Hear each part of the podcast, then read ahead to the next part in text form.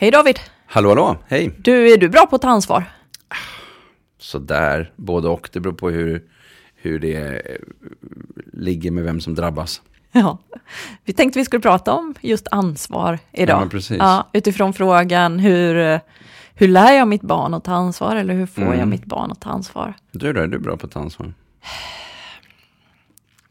Bättre och bättre, tror jag. Jag fick jag var- det intrycket när vi pratade om läxor, att du var en sån där som verkligen gjorde dem. Ja, men Det jag tror inte att det var ansvar riktigt, det var lydnad. Ja. Och det är faktiskt någonting annat. Sant. tänker jag. Och jag tänker att jag med åldern, när jag närmar mig 50 nu, har jag blivit väldigt mycket bättre på att ta just personligt ansvar. Socialt Mm. ansvar har jag alltid varit väldigt bra på att ta. Jag har brytt mig väldigt mycket om Det andra människors behov och försökt Ja. få alla att, att trivas och vad är viktigt för dig och hur gör vi Mm. nu så det blir bra för alla. Men jag har glömt bort mig själv och mina gränser Just det. ibland. Eh, och det är något som har kommit med åldern som är väldigt bekvämt och Mm. skönt. Just den där ehm, tryggheten i att dels veta vad jag behöver, men också att sätta gränser kring det som är viktigt för mig. Att värna mina egna behov och mina egna gränser. Och där är det lite intressant då när vi tänker på barn och barns ansvarstagande i förhållande till lydnad. För att Ja. det är ju inte alltid att barnet då kanske ska lyssna på sig själv, tycker vi vuxna alla gånger. Utan vi tycker att barnet bara ska göra det vi vuxna tycker. Visst är det intressant. Jag tycker ofta att jag hamnar i det snacket med föräldrar Mm. om, men mitt barn eh, tar ju inte ansvar och då frågar jag vad betyder det? Och det visar sig väldigt ofta att föräldrar menar, mitt barn gör inte som jag vill Nej, eller gör precis. inte sakerna på mitt sätt. Eh, och det resulterar inte sällan i att föräldern fortsätter göra det åt barnet samtidigt som de gnäller lite. Just. Och jag tänker att något som är så otroligt viktigt, det är att ska, vi, ska barn få möjlighet att utveckla ett personligt ansvarstagande så måste de faktiskt få möjlighet att öva. Mm. För att det här är ingenting man, man liksom inte, vi kan inte bara berätta för barn att så här gör du när du tar ansvar, utan det är verkligen någonting som de måste lära sig själva. Mm. På samma sätt som vi kan inte berätta för barn när de lär sig att cykla, utan de måste träna sig Mm. för att lära sig det. Just det. Ja. Ehm, Otroligt viktigt. Ja. Mm. Ja, men precis. Men hur gör man då, David? Hur, Ja, hur, hur gör vi för att öka vårt barns ansvarstagande? Mm. Ja, eh, jag tänker att det är många olika delar i det där faktiskt. Ehm, eh, och olika situationer. För du har ju allt ifrån frågan om eh, vad ska jag säga, klä på sig eller borsta tänderna när man är, alltså vi borstar ju tänder till barn när de, alltså vi ska ju borsta tänder till barn när de är ganska stora, Stora, alltså upp mm. en bit håll. Men liksom allt sånt där. Eh, eh, men sen har vi det här som vi pratade om också, social, ta- ta ansvar för andra. Eh, hur jobbar man med det? Eh, vad är det som har kommit upp på dina så här föräldrakurser då? Nej, men det är ju just ofta handlar det ju om, vi måste börja med lydnad och ansvar. Där Mm. hamnar vi nästan alltid att först reda ut det där. Sen behöver vi reda ut vad menar vi när vi säger ansvar då? Mm.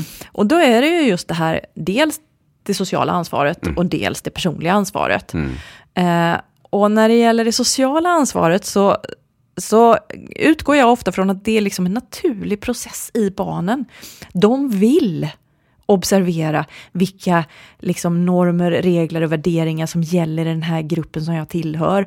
Och de vill anpassa sig till det. Det är en naturlig process. Så om vi bara låter barnen gå i den riktningen så kommer det naturligt. För de behöver det för sin tillhörighet, för sin överlevnad. För, för de flesta gör ju det. Samtidigt Ja. så har vi de som har stora funktionsnedsättningar just Exakt. inom det området. Ja. Inom autism till Ja. exempel. Och där behövs det ju stöd. Ja, då behövs det mycket stöd. Och, och, och det är inte säkert att det som vi i normalfallet kallar liksom, säga, ansvarstagande för andras personliga väl och ve Nej. och det sociala ansvaret kanske inte eh, faktiskt kommer att utvecklas på det sätt Nej. som, som det är för andra. Liksom. Så, att, så att det är en väldigt stor skillnad. Fast variationen inom autismgruppen är gigantisk. Onekligen. Otroligt stor. Enorm. Eh, men så det är ju det ena, det sociala ansvaret. Ja. Det personliga ansvaret, Mm. det är ju, jag tänker att när barnen föds, då tar ju vi föräldrar det personliga ansvaret för barnen och det måste vi göra. Det är jag som förälder som ser till att mitt barn får sitt behov av mat och omsorg och Absolut. allting tillgodosett. Eh, Så där har vi processen. där har vi verkligen en process. Ja. Eh, och sen så vill ju barnet ta till sig eller ta ansvar för sitt eget personliga ansvar skulle man kunna säga när de blir lite äldre. Och första gången så är det det vi kallar trotsåldern. Det är ju då barnen säger jag kan och jag vill själv. När de liksom vill lära sig att klä på sig mm. själva, mm. de vill testa Precis. på sitt sätt och så här. Och då är det ju superviktigt att vi som vuxna är där och möter upp i den processen ja, och precis. faktiskt ser det som vad det är. Det är ett barn som säger jag är beredd att ta lite mer ansvar för ja. mitt eget liv nu. Just det. Och ofta så är det ju tyvärr så att föräldrar står där och tänker att nej, fast du är inte alls mogen för det nej, där, eller det kunde du inte igår. Så, och, och tycker så, att det är jobbigt. Precis, mm. för vi vill gärna behålla det där personliga ansvaret för barnet lite längre, eller inte har, har tillit ja, riktigt. Eller så är det, det, så kan det ju vara, eller så är det det att vi tycker att barnet tar felaktiga beslut. Ja. Och så vill vi att de ska göra som vi har sagt. Eller så har vi inte tid riktigt. För det är klart att skillnaden mellan om du står i eh, hallen och ska sätta på dig klockan eh, 07.00 en tisdag morgon jämfört med eh, klockan 9.30 på en, eller 10.30 på en eh, helg. Ja. För att man ska gå till en park någonstans eller, eller gå på en promenad. Eh, det är ju en gigantisk skillnad. Ja. Eh, och då har vi ofta tiden att låta barnen få ta ansvar. Eh, Precis, nu passar det mig att du tar ansvar. Just det, nu ja. passar det mig för nu är det helg. Men, men då har vi inte tid i, i stressen på morgonen. Fullt begripligt. Det är begripligt. Men samtidigt är det lite intressant för att vi skulle ju också kunna eh, ha, möjligen då, lite mer planering så att man har lite mera tid. Ibland är det inte, det är inte säkert att, att den där, typ en extra kvart, det är inte säkert att det, det, det kan ju vara så att det faktiskt gör en ganska stor skillnad, i vissa familjer i alla fall. I andra skulle det inte ha någon betydelse överhuvudtaget. Sen är det ju så att ibland när jag går in och tar barnets eh, ansvar där på morgonen och klär på barnet, mm. för jag tänker att jag har inte tid. Just det. Jag tjänar ju inte alltid tid på det. Nej, det beror på Utan också det, konflikt. Det blir oftast en ny konflikt, så att ibland så tar det faktiskt längre tid mm. att göra så. Men sen så tänker jag mycket på, dels som jag sa, det här att, att föräldern behöver möta upp barnet mm. i den här utvecklingen för personligt ansvar. Eh, vi behöver också hjälpa barnet genom att eh, liksom lyssna empatiskt. Vad mm. är det som är viktigt för dig här? Att se och försöka möta det så att jag hjälper barnet att tydliggöra barnets behov och barnets gränser. Och då behöver vi också själva lyssna empatiskt. Ja. För att de lär sig ju väldigt i stor utsträckning genom vad vi vuxna gör. Ja, så är det ju. Så att om inte vi lyssnar empatiskt på barnet, då har vi ganska... har vi ju ganska svårt att få dem själva att lyssna empatiskt på oss. Det är nog rätt kört skulle jag säga. Kört, ja. mm. För det var det jag skulle komma till här mm. också. Vi är eh, förebilder ja, för barnen. Mm. Ja. Så, och det, det går inte nog att betona, tänker jag, att om jag vill att mitt barn ska ta personligt ansvar för sig, mm. då måste jag ta personligt ansvar mm. för mm. mig. Uh, för att jag är en förebild för mitt ja, barn. Det. Och det, får jag, det påminner jag mig om ibland när jag som faktiskt senast igår så kom min dotter och så sa hon, mamma, eh, ska vi mysa, kan vi kolla på, på tv? Mm. Eh, hon ville politikmysa. Hon mm. gillar när vi tittar på olika politiska debatter och sådär, kan vi politikmysa? Och just då så var jag inte speciellt sugen, för jag hade planerat för att mm. göra andra saker. Och samtidigt när hon gick därifrån så, åh, det är inte alltid hon bjuder in. Jag, jag borde kanske, då blev jag mm. sådär, åh, så då fick jag lite dåligt samvete en stund. Och sen mm. så tänkte jag att fast det jag gjorde nu var också ganska bra. Jag satte min egen gräns, jag uttryckte mitt eget behov. Jag sa, vet du att det passar inte mig just nu för jag har planerat för att göra andra saker. Skulle du vara villig att göra det här med mig ikväll istället? Eh, och jag tänker att det också är jätteviktigt att jag ja. säger nej och visar att jag tar mina egna behov Ja, på allvar. För då visar du att barnet då kan är göra detsamma. Där, ja, precis. Och det gör ju min dotter jätteofta. När jag kommer ner och frågar henne någonting så säger hon det passar inte just nu mamma, jag sitter och läser manga. Och det är ju superviktigt att hon kan känna att det är okej att hon gör det. Och det hjälper jag ju henne med genom att, att jag visar att det är okej när jag gör det. det. Och att jag inte får dåligt samvete. Ja, det där är viktigt. Va? Mm. Jag, jag tänker också på en ganska kul bild som jag har använt ibland för att prata om ansvar. Um, och uh, man tänker sig en fyrkant. Och längst ner till vänster, och, och så tänker vi oss, eh, vi har en horisontell linje och sen har vi en vertikal linje. Så på den nedre linjen så är det tid. Och där har du 0 till 18 år. Och så på den andra linjen som går rakt upp mot himlen, så att säga, inte mot himlen, men upp en bit där. Eh, eh, där har du 0% ansvar och 100% ansvar. Mm. Då kan man ju sätta en, en prick på den här lilla platsen där man är noll år gammal kan man inte lägga något ansvar på barnet. Nej. Barnet tar noll ansvar så att säga. Vi tar allt ansvar då. Ja. Och vid 18 års ålder så ska man ju ta ansvar till 100 procent. Mm. Okej. Då blir ju det en diagonalt streck eh, rakt över. Och då, och då blir det lite intressant när man skriver ner de där eh, siffrorna emellan och tittar då på, okej, vid 9 års ålder, är man 50 procent ansvarig för sina handlingar då? Vid eh, 6 års ålder, 33. Eller vid 12 års ålder, 66,67 procent ansvarig. Hur ska vi tänka kring det? När vi säger till på skarpen för någon har gjort någonting dumt till exempel. Då lägger vi 100 procent ansvar på en eh, sexåring som eh, snor någons leksak. Eller liksom som eh, på en nioåring i klassrummet som eh, eh, trycker till en penna som ligger lite snyggt över kanten så att den singlar iväg över hela klassrummet och landar i huvudet på stackars Emma. Alltså, hur mycket ansvar ska vi liksom tänka att vi tar? Och när vi säger till på skarpen eh, och skäller på någon eller blir sådär vansinnigt arga, då är frågan, kan vi verkligen lägga 100% ansvar på barnet just nu? Eh, och då kommer vi tillbaka till den här frågan om funktioner och funktionsutveckling och vad har vi för barn framför oss egentligen? Ja. Hur ska vi se på ett barn med en ganska liksom påtaglig ADHD med impulsivitet som drar iväg, nio år gammal, som drar iväg den där pennan över klassrummet och inte tänkte på att om man klipper till den så att den åker liksom iväg eh, sådär, eh, så, så kanske den, alltså konsekvenstänket, kan hamna i huvudet på någon. Mm. Eh, och då kanske den där nioåringen, vi, kanske, vi kan inte lägga 100% ansvar, men kan vi ens liksom, men samtidigt så blir ju folk jätte så här, men vadå, en nioåring, 50% ansvar för sina handlingar? Nej, så kan vi inte tänka. Nej, Nej. visst. Men det är ju intressant. för Det är en väldigt det ställer spännande oss fundering. frågor Ja. kring vad lägger vi ansvaret nu? Okej, Ja. vi lägger inte på noll. Eh, men när nioåringen var åtta år så, så såg vi att då, då la vi lite mindre ansvar på nioåringen vid åtta och vid sju och vid sex och vid fem. Och vid tio års ålder kommer vi lägga ytterligare lite mer ansvar på det. Men hur ska vi relatera det till funktionsnedsättning? Mm. Ja, men då kanske den här nioåringen fungerar inte som en nioåring utan kanske som en säg fyra, femåring i förhållande till impulsivitet, ibland till och med lägre Mm. i förhållande till just det som är svårt. Va? Ehm, och hur ska vi då se på ansvar? Mm. Den tycker jag är ganska spännande som bild. Superintressant. Och också det där om vi nu, om det inte är 100% ansvar, då betyder det att jag också har ansvar. Precis. Ja, och det, det är den andra delen. Ja, och det kan ju en del värja sig emot. Det är det Att man det behöver tänka på. Ja. Om vi till exempel, vi kan ju ta det med, med, med syskon eh, som tjafsar och bråkar och har sig. Liksom.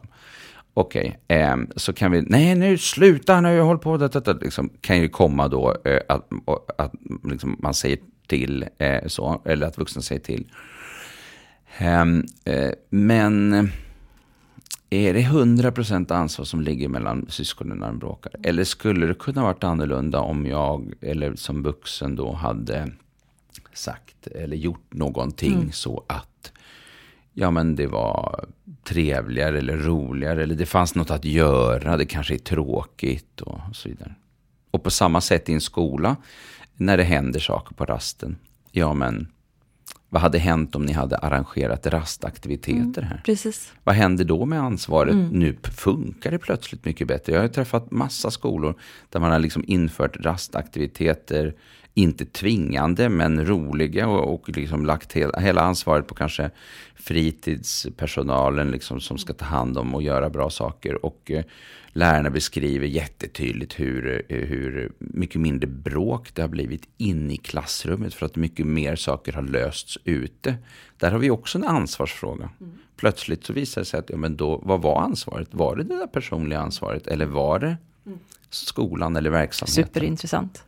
Så här har vi ju också en, en intressant Oh, frågeställning. ja. Vi måste hela, hela, hela tiden tillbaka till oss själva som vuxna och fundera på, okej, nu är det nu bråk, konflikter här. Vad har, har det med mig att göra på något Mm. sätt? Kan jag göra någonting åt det här? Och det är bara om jag tar ansvar som jag kan påverka. Ja, det är precis det. Ja. Mm. Ja. Och det är ju det som man brukar prata om. eh, det som vi kallar ansvarsmodellen, Mm. eh, ansvarsprincipen snarare. Att, att eh, om vi har, säg ett barn eller en ungdom som gör någonting, det vill säga inte kan riktigt ta ansvar för att fixa situationen på ett bra sätt. Det kanske helt enkelt är en, en situation som innebär överkrav. Då går ju ansvaret upp till den vuxne. Alltså eh, läraren då, eller skolan, eller så, om man är i skolan. Eller hemma då, så kan man ju tänka sig att den vuxne måste. Eh, och om då eh, den vuxna har svårt att ta ansvar för situationen, om vi tar en skolsammanhang. I föräldrar är föräldrar, de, de liksom är högsta instans i, i, i hemmet. Men i skolan är läraren inte högsta instans, utan då är det ju rektorn som kanske behöver hjälpa sin peda- sina pedagoger, utbildning, handledning, annat, att kunna fixa situationen. Och om rektor inte fixar situationen, då är det ju ansvaret ligger på huvudmannen. Och så har vi ju i Skolinspektionen. Och liksom. Så att vi har ju en, en hierarki där. Ja. Och, och, eh, och, och då blir det ju lite intressant. För om man då har ett barn eller en ungdom som inte tar ansvar.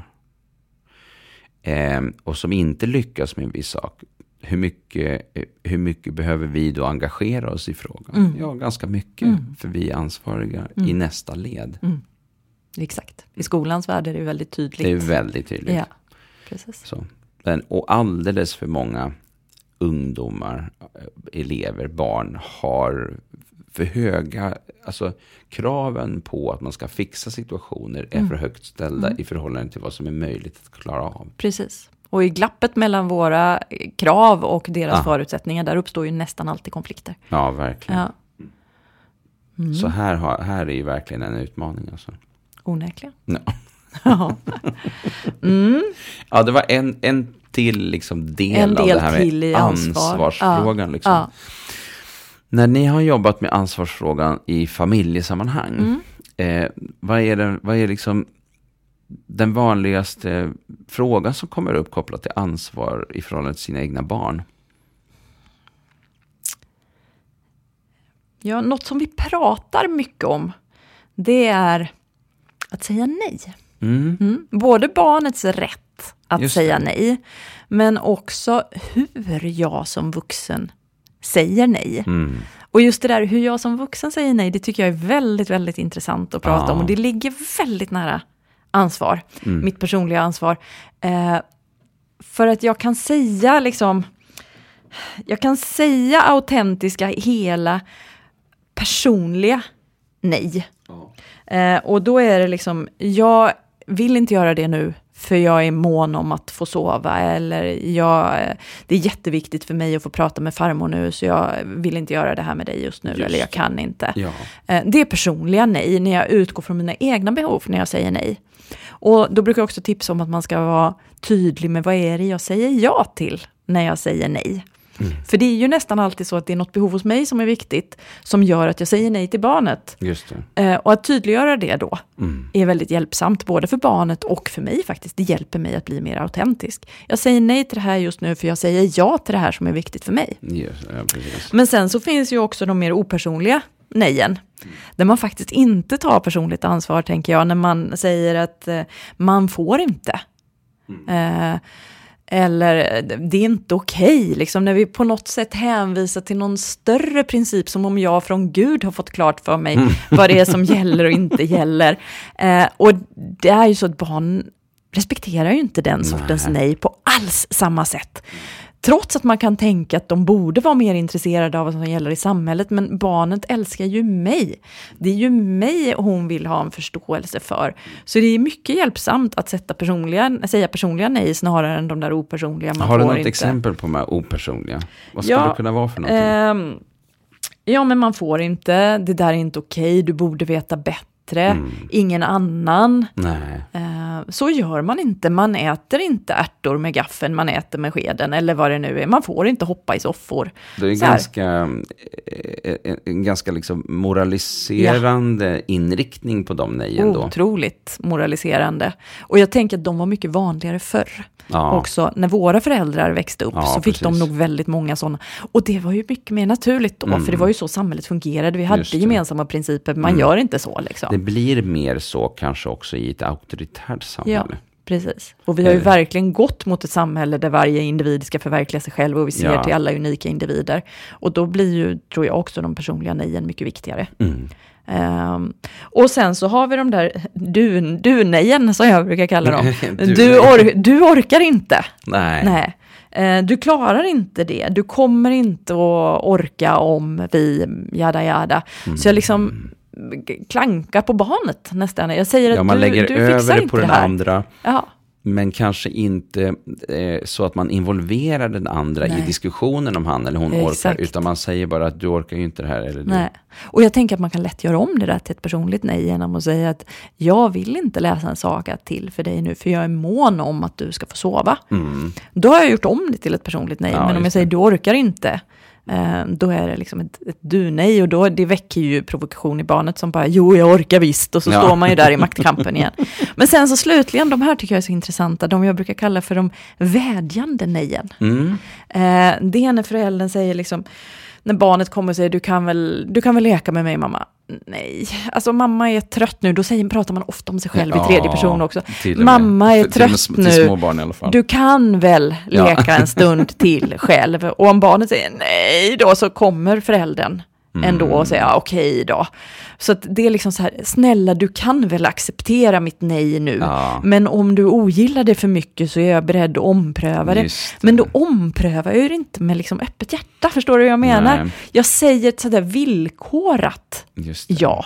Mm. Ja, eh, och de, de är inte heller personliga, det är inte heller Nej. att ta personligt ansvar, det är verkligen att lägga ansvaret på barnet. Ja, det är det är du som är ansvarig för vårt samspel. Ja, och det är också du som ansvarar för att jag kanske blir ännu tröttare när vi är klara med det här nu. Och Exakt. då är det så att säga ditt fel inom Ja. citationstecken. Och jag tänker att man ska alltid, om jag säger ja till barnet så ska jag göra det med, jag brukar kalla det för att göra det med öppet hjärta, jag måste säga ett helhjärtat ja. Mm. Om jag säger ja och samtidigt skriver det på barnets skuld, skuldkonto, Just det, Ja. det är där någonstans. Ja. där blir det inget bra liksom. Och barnen känner det här också när vi skriver Ja, det på deras skuldkonto. Ehm, och då börjar de utforska relationen och gränserna och sådär. Mm. Och jag har märkt att när man har konflikter i familjer, då är det väldigt ofta för att föräldrarna inte har satt just personliga gränser. De har inte sagt personliga nej, utan de har just sagt att ja, nu måste ni komma i säng för vi ska åka dit och dit imorgon och då måste ni vara pigga. Mm. Och då är det som att barnet nästan, jag brukar säga klöser på föräldrarnas pedagogiska fasader för att få reda på vad finns där bakom? Varför vill de egentligen att jag ska gå och lägga mig nu? Mm. Eh, och då är de uppe och röjer några timmar till och till slut så slår föräldern näven i bordet och säger nu får du för fan gå och lägga dig så jag och pappa får sitta här i fred. Äntligen. Där kom det, svaret på varför de ville att jag skulle gå och lägga mig. Eh, och då kunde man ju lika gärna sagt det från början. Mm. Ja, det är intressant det där hur, hur det liksom dras på, dras på, dras på. Ja. Ja, jag, jag tänkte på det, jag satt på något café. ehm, det kanske var, ja det var väl kanske i somras. Ehm, eh, och eh, det var en familj som, ehm, utomhus. Och det var en familj som hade ett barn som rörde på sig mycket. Liksom, och, och eh, de bytte bord och de höll på för det var getingar. Och, de liksom, eh, och sen till slut så lackade pappan till rejält. Och sa nu sitter du på din plats och sådär. Och den här killen eh, lydigt satt då. Men tittade rakt ner. Både kanske arg och skamfylld. Jag vet inte riktigt. Ehm, men det var intressant hur han hade fått möjlighet att röra på sig så. Eh, och sedan eh, så tinade han ju så småningom upp och, och, och, och sådär. Och de hittade tillbaka till varandra på något sätt. Va? Men, men eh, det var fortfarande där liksom lydnadsorienterade liksom. Och, och, eh, men eh, och jag, jag satt där och tänkte att eh, ja fan det är inte lätt att vara förälder. And I've been there myself. Eh, men, eh, men samtidigt också så tydligt det blev på något sätt att eh, det, liksom, man fick hålla på och hålla på och hålla på och hålla på och fara och, runt och röra på sig. Så, och sen plötsligt så kommer det någonting som en blixt från klar himmel. Någon slags vrede liksom. Precis. Eh, och, ehm, eh, och, och då tycker man liksom att så sorgligt på något sätt att det inte var tydligare Mm. ändå. Eller att när man sen till slut säger till, det kanske hade varit helt okej att bara liksom säga, kom, kom, kom, så jag ska bara berätta en sak. Vet du, nu har det blivit väldigt mycket fart här. nu tänker jag att vi sitter här på stolen ett tag tillsammans och så liksom käkar vi det här liksom fikat och sådär. Så, så kan vi röra på oss sen och leka. Så jag, jag är helt säker på att det hade funkat med det här barnet. Men istället kom det, åh, liksom.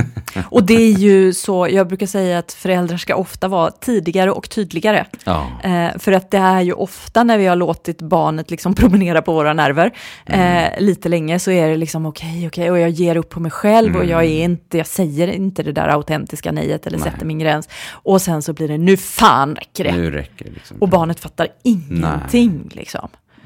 Eh, och då hade det varit så mycket bättre, precis som du sa, att göra det tidigare och tydligare, för då hade jag klarat av att göra det på ett respektfullt sätt. Och där, en sak som är väsentlig med det är ju att vara själv, att vara observant på sig själv som vuxen. Alltså att jag märker att nu rör Mm. Händer jag mig i riktning mot... Så det är någonting med det här liksom utanpå ögonen på sig själv. Och jag tror att det kan man ju bli bättre på, även om vi också vuxna skiljer oss åt i förmågan att vara självreflekterande. Så är det ju klart att man kan öva sig på, på, på det, att bli bättre på att uppmärksamma det. Precis. Så, så tidigare och ehm, Tydligare. tydligare. Ja. Eh, och då också inte bara tydligare i form av arg. Nej. Liksom, utan tydlig i form av... Respektfull. Vad, ja, Ja. Vad, vad var själva poängen med det som jag, vi nu pratade om? Precis. Mm. Du, Så där någonstans. ehm, Ja, ska vi dra ihop trådarna? ja, men vi gör det. Ja.